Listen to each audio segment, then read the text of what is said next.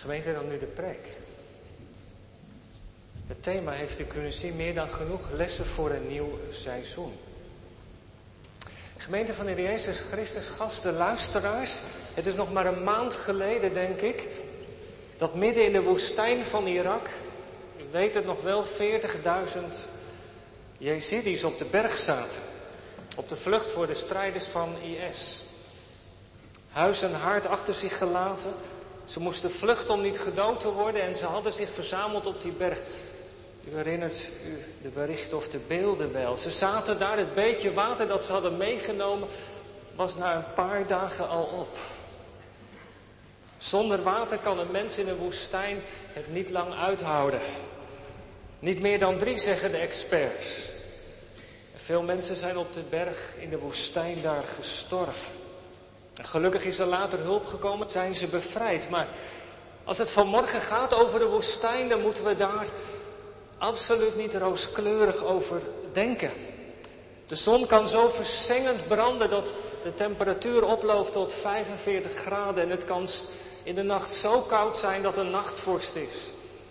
Dat weet u misschien wel. Ik herinner me de woestijn in Chili in de berg in het noorden. Er was een bergmeer waar flamingo's stonden.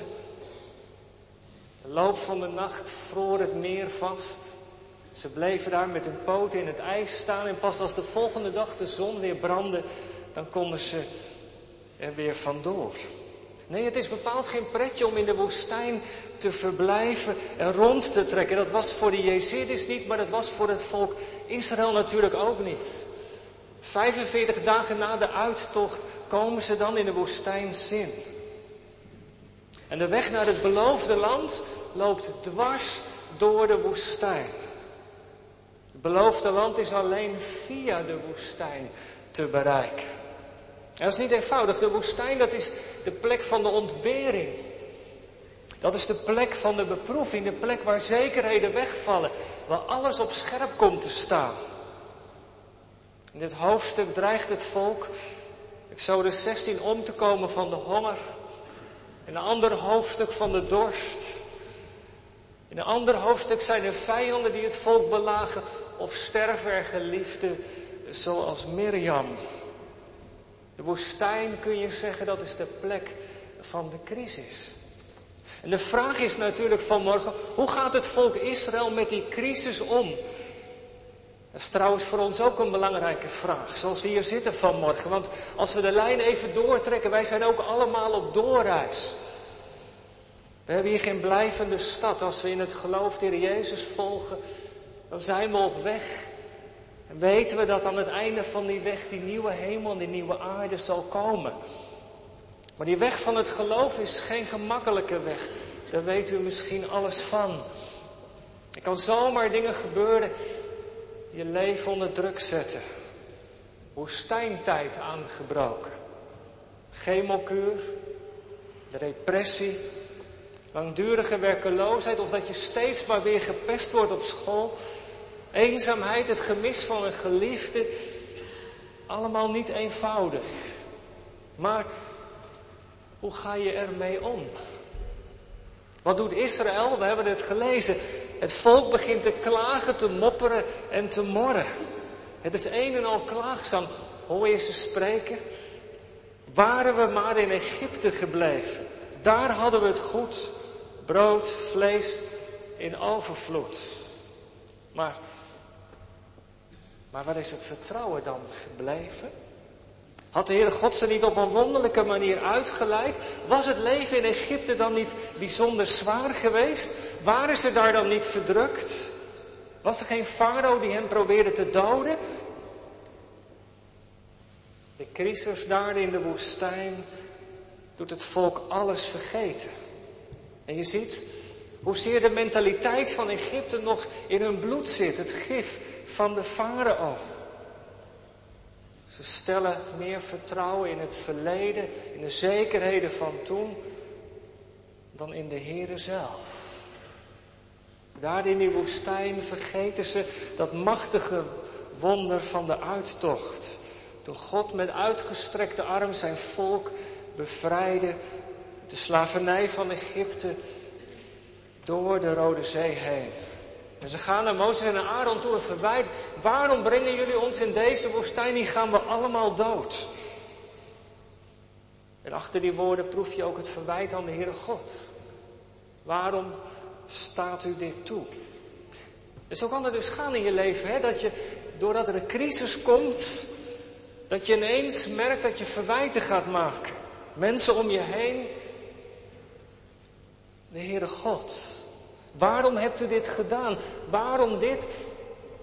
Waarom deze crisis? Ik herken het wel. Niets menselijks is ons vreemd. Maar weet je, zeg eens eerlijk, heeft de Heere God de woestijn geschapen? Daar lezen we in Genesis niks over. U kent de geschiedenis.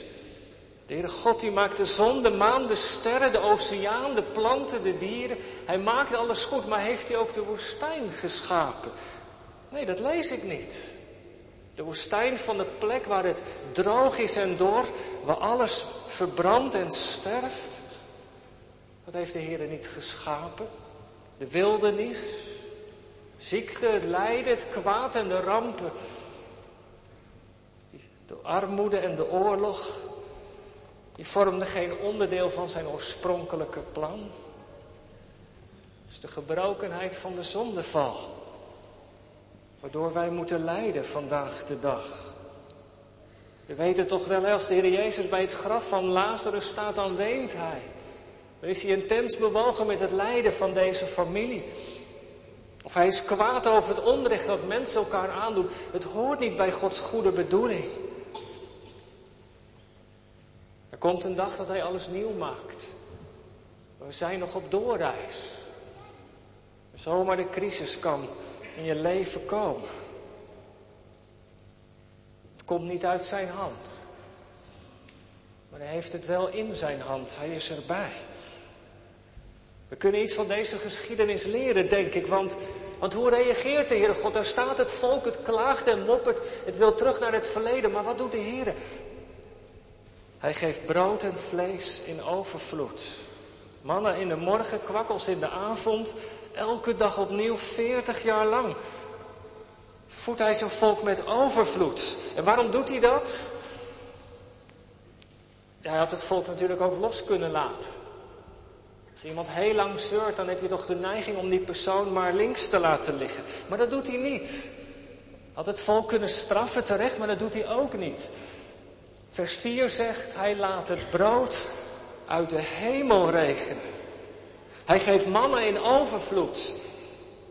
Maar de schrijver voegt er iets aan toe. Waarom zegent de Heer het volk met overvloed? Vers 4 zegt, om zijn volk op de proef te stellen. Heeft u het gelezen? Om te kijken of het naar zijn geboden wil wandelen, wil handelen.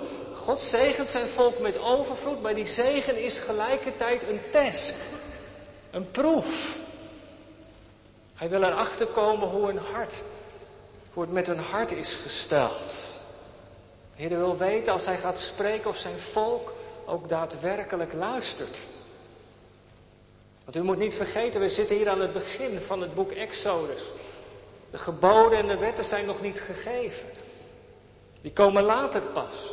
Maar nu al van tevoren wil de Heer van zijn volk weten, als ik spreek, zal het, mij dan, zal het dan naar mij luisteren? Zal het mij dan gehoorzamen? En weet u, gehoorzamen staat natuurlijk niet op zichzelf. Daar zit nog iets achter. Dat is ook in de opvoeding zo. Als wij als ouders gehoorzaamheid vragen aan onze kinderen bepaalde zaken, dan zit er ook achter dat wat we van hen vragen, dat het ook goed is. Dat ze erop mogen vertrouwen dat wij als ouders het beste met hen voor hebben. Dus die gehoorzaamheid daarachter zit eigenlijk vertrouwen. Heere God vraagt gehoorzaamheid, maar daarin stel je mijn vertrouwen, stel je vertrouwen ook echt op mij. En dat wil zijn volk daar in de woestijn van zin leren. Dat ze onvoorwaardelijk op hem zullen vertrouwen. En hoe doet hij dat? De Heer zegent zijn volk met overvloed, maar hij zet ze op rantsoen. Merkwaardig. Hij geeft mannen in overvloed, maar ze mogen maar voor één dag oprapen. En morgen, morgen weer opnieuw. Elke dag weer. Waarom? Dat het volk leert te vertrouwen. Dat er morgen ook weer manna is. Dat hij zorgt, elke dag. Dat hij zo in hun leven aanwezig wil zijn, midden in die woestijn als de God die zorgt. En daarom mag Israël het mannen niet bewaren tot de volgende dag, dat bederft. Er zijn wel mensen die hamsteren, maar dat is de les. Durven jullie op mij te vertrouwen? De cultuur van Egypte zit nog in het bloed. Maar God zorgt. Barmhartig en genadig. Vergeet niet één van zijn weldaden. Natuurlijk zit er ook een kritische noot in voor ons vandaag. We leven in een rijke land, we hebben heel veel mogelijkheden om te leven en te werken. Er is meer dan genoeg.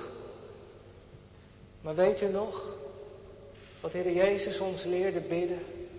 Geef ons dagelijks, geef ons heden ons dagelijks brood.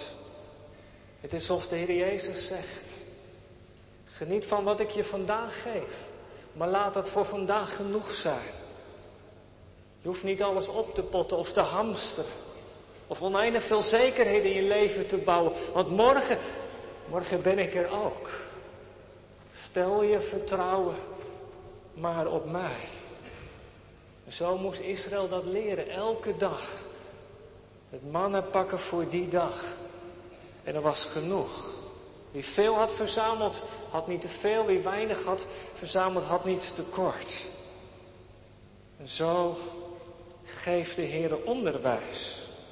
En weet u, vanmorgen dan even die vraag, als ik die lijn doortrek, wat kunnen wij van deze geschiedenis leren? We staan aan de start van een nieuw seizoen. Alle activiteiten in de gemeente gaan weer beginnen. Wat zijn de lessen die we kunnen leren vanmorgen? Ik noem er drie. Het eerste is dit. Mozes zei het in Deuteronomie en onze heiland in Matthäus. Je kunt als mens niet alleen van brood leven, maar alleen van het woord dat uit de mond van de Heer uitgaat. En dat is het scharnierpunt in de geschiedenis die we hebben gelezen. Als het volk moordt en klaagt, wat doen de leiders dan? Dan nemen ze het volk mee naar buiten. En dan moeten ze naar de woestijn kijken. Ze moeten die woestijn, die zoveel angst inboezemt, onder ogen zien. En dan verschijnt de wolk van de heerlijkheid van de Heer. En dan begint hij te spreken. En weet u wat nou het geheim is? Die woestijn verandert. Als de Heer gaat spreken. Als hij tegen je zegt, ik ben er. Dan verandert die woestijn van kleur. Dan is dat opeens de plek waar je doorheen kunt. Welke woestijn je ook in je leven moet betreden. Als de Heer erbij is en als Hij spreekt, kun je moed vatten. Hij is erbij. En weet u, als je zo leeft, als je biddend leeft, dan mag je ervaren dat de Heer spreekt. Hij spreekt gewis tot elk die voor hem leeft. Maar het vraagt wel iets van je. Je moet dat woord van God ook ter hand nemen. Net zoals het volk Israël dat dagelijks deed. Je moet wel elke dag weer dat mannen pakken en ter hand nemen en jezelf ermee voeden. Met dat woord van de Heere God. Doe je dat ook? Doet u dat ook? Is het woord van de Heere God ook manna voor u? Weet u, want dat is onze verantwoordelijkheid. Gebruik die mogelijkheden van een winterseizoen, alle activiteiten die er zijn. Er zit vast wel iets voor u bij, maar gebruik het. Het is een gelegenheid die de Heer u geeft om u sterker te maken in het geloof. Om u te corrigeren als dat nodig is, om u te bemoedigen. Want Hij kijkt vooruit. Er zullen in dit, seizoen momenten komen dat het voor u, voor jou, misschien voor mij ook moeilijk wordt. En dat wat je zelf in huis hebt tekort schiet gezondheid, je kracht, je diploma's misschien, je geld. Het kan zomaar zijn dat zekerheden uit handen worden geslagen. En wat is er dan dat blijft? Dat zijn de woorden die de Heer heeft gesproken. Dat is hij uiteindelijk zelf. Geen woord wat hij spreekt valt leeg ter aarde. Echt waar.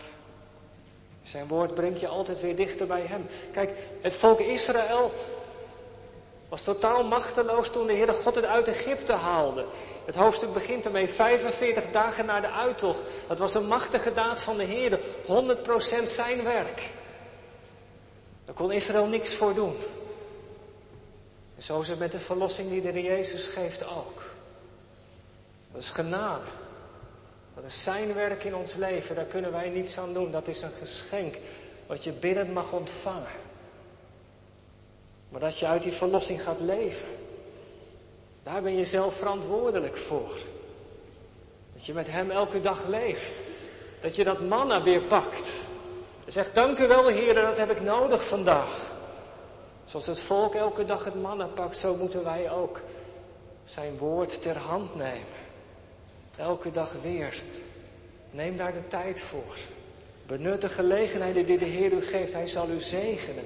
Dat is zijn belofte. Hij wil niet dat u, jij en ik van brood alleen leven. Dat is dat we slapen, dat we opstaan, dat we werken, dat we eten. Dat we weer naar bed gaan en de volgende dag weer dezelfde routine. Nee, elke dag weer even dat mannen van het woord ter hand nemen. Vergeet het niet. Zijn woord is een lamp voor onze voet en een licht op ons pad. En dan een tweede les. Trof mij in de geschiedenis. Er was genoeg voor iedereen. Viel u dat ook niet op? Wie veel verzamelde, wie een groot gezin had, die had niet te veel. Wie alleen was om een klein gezin, wie weinig verzamelde had, kwam niet tekort. Er was een kruik, een gomer voor elk gezin. En ik dacht, daar zit ook wel een les in. We zijn allemaal verschillend zoals we hier zitten in deze grote kerk. Er zijn onder ons mensen die aan het begin van de weg staan met de Heer. Er zijn mensen die al wat verder op die weg zijn. Maar weten, we hebben het gehoord in het getuigenis van onze broeder. We zijn samen op weg. En als je veel van de Heer hebt ontvangen in je leven, dan heb je veel om met een ander te delen. Dat hoef je niet voor jezelf te houden, het mannen wat je van hem hebt ontvangen. Bemoedig daar iemand mee. Die het nodig heeft, die aan het begin van de weg staat. Want de Heere wil dat ieder schomer vol zit. Dat er genoeg is voor iedereen. Dat wil zeggen dat iedereen van ons de gelegenheid krijgt om met de Heere te leven. Om de woorden van Hem te ontvangen. Genoeg voor de levensfase waarin je zit. En daarom vond ik de woorden van onze broeder Hofman ook zo bemoedigend. Hij mag al heel wat jaren met de Heer wandelen en zomaar deelde hij iets van het mannen. Wat hij ontvangen had met ons. Laat dit seizoen zo'n seizoen zijn waarop we dat met elkaar delen. Ter versterking en bemoediging. En weet u, tot slot nog dit. Dat is de derde les. Misschien is het wel de belangrijkste les van de drie. In ieder geval een les om nooit te vergeten. Matthäus vertelt ons dat de Heer Jezus door de geest in de woestijn is geleid. Daar in de woestijn is hij verzocht door de duivel. Alle demonen die er waren hebben zich op hem neergestort. Ze wisten dat hij kwam om de zonde te verzoenen, om ons te redden uit de macht van de boze. En ze hebben hun best gedaan om hem te vernietigen. Maar het is ze niet gelukt. Onze heiland is in de woestijn staande gebleven. De zoon van God. Ze hebben er alles aan gedaan om hem te verleiden en tegen te werken. Maar hij is in die woestijn staande gebleven. En hij heeft de tegenstander op zijn eigen terrein verslagen. En weet u wat dat betekent? Neem het mee vanmorgen als bemoediging voor u of voor jouw leven. Je leven gaat misschien door een moeilijke periode. Je zit voor je gevoel in de woestijn. Weet dan dit, dat de Heer Jezus ook in de woestijn is geweest. Onze heiland is op die plek geweest waar je het meest wordt aangevochten. Waar zekerheden je dreigen te ontvallen. Misschien ben je al een tijdje werkeloos. Worstel je met je relatie of je gezondheid? Of de woestijn van de rouw? Van de eenzaamheid, de dingen waar je bang voor bent? De woestijn van de worsteling met je identiteit misschien? Weet dit. Jezus is die woestijn binnengegaan. Hij is staande gebleven. Hij heeft overwinning behaald. Hij weet wat u, jij doormaakt. Hij is de woestijn binnengegaan als onze heiland. Hij heeft die woestijn van binnenuit ontmanteld. Nu hoeven wij niet meer bang te zijn. Want in de woestijn van ons leven is er een heiland. Hij, de Heer Jezus. Zie je op tegen de dag van morgen? Moet je een test doen of jij misschien wel een spreekbeurt? Moet je naar de tandarts of wacht een operatie? Moet je misschien iemand begraven in de week die komt? In die woestijn is de Jezus binnengegaan en Hij is erbij. Ik zou zeggen, luister goed naar wat de Heer tot je spreekt dit seizoen. Want Zijn woorden zullen voor u en voor jou als mannen zijn. Ontvang ze met een open hand. Je zult het mannen nodig hebben voor de tocht die komt. Maar het is genoeg om de dag mee door te komen, want één woord van de Heer zet heel je leven, jouw situatie, je woestijn, in het licht van zijn toekomst. Er was een man. Hij zat in de stilte van zijn kamer te lezen in de Bijbel. En hij glimlachte terwijl hij zat te lezen. En toen ik binnenkwam zag ik de glimlach op zijn gezicht. Ik zeg, wat geef je zoveel blijdschap? Zegt, het woord van de Heer Jezus, wat hij voor zich had, hij zegt, dat raakt me zo. Zie, ik ben met je. Alle dagen tot aan de voleinding van de wereld. Hij zegt, nu weet ik. Hoef ik niet bang te zijn voor de dag van morgen. En wij hoeven dat ook niet. Dankzij onze heiland. Amen.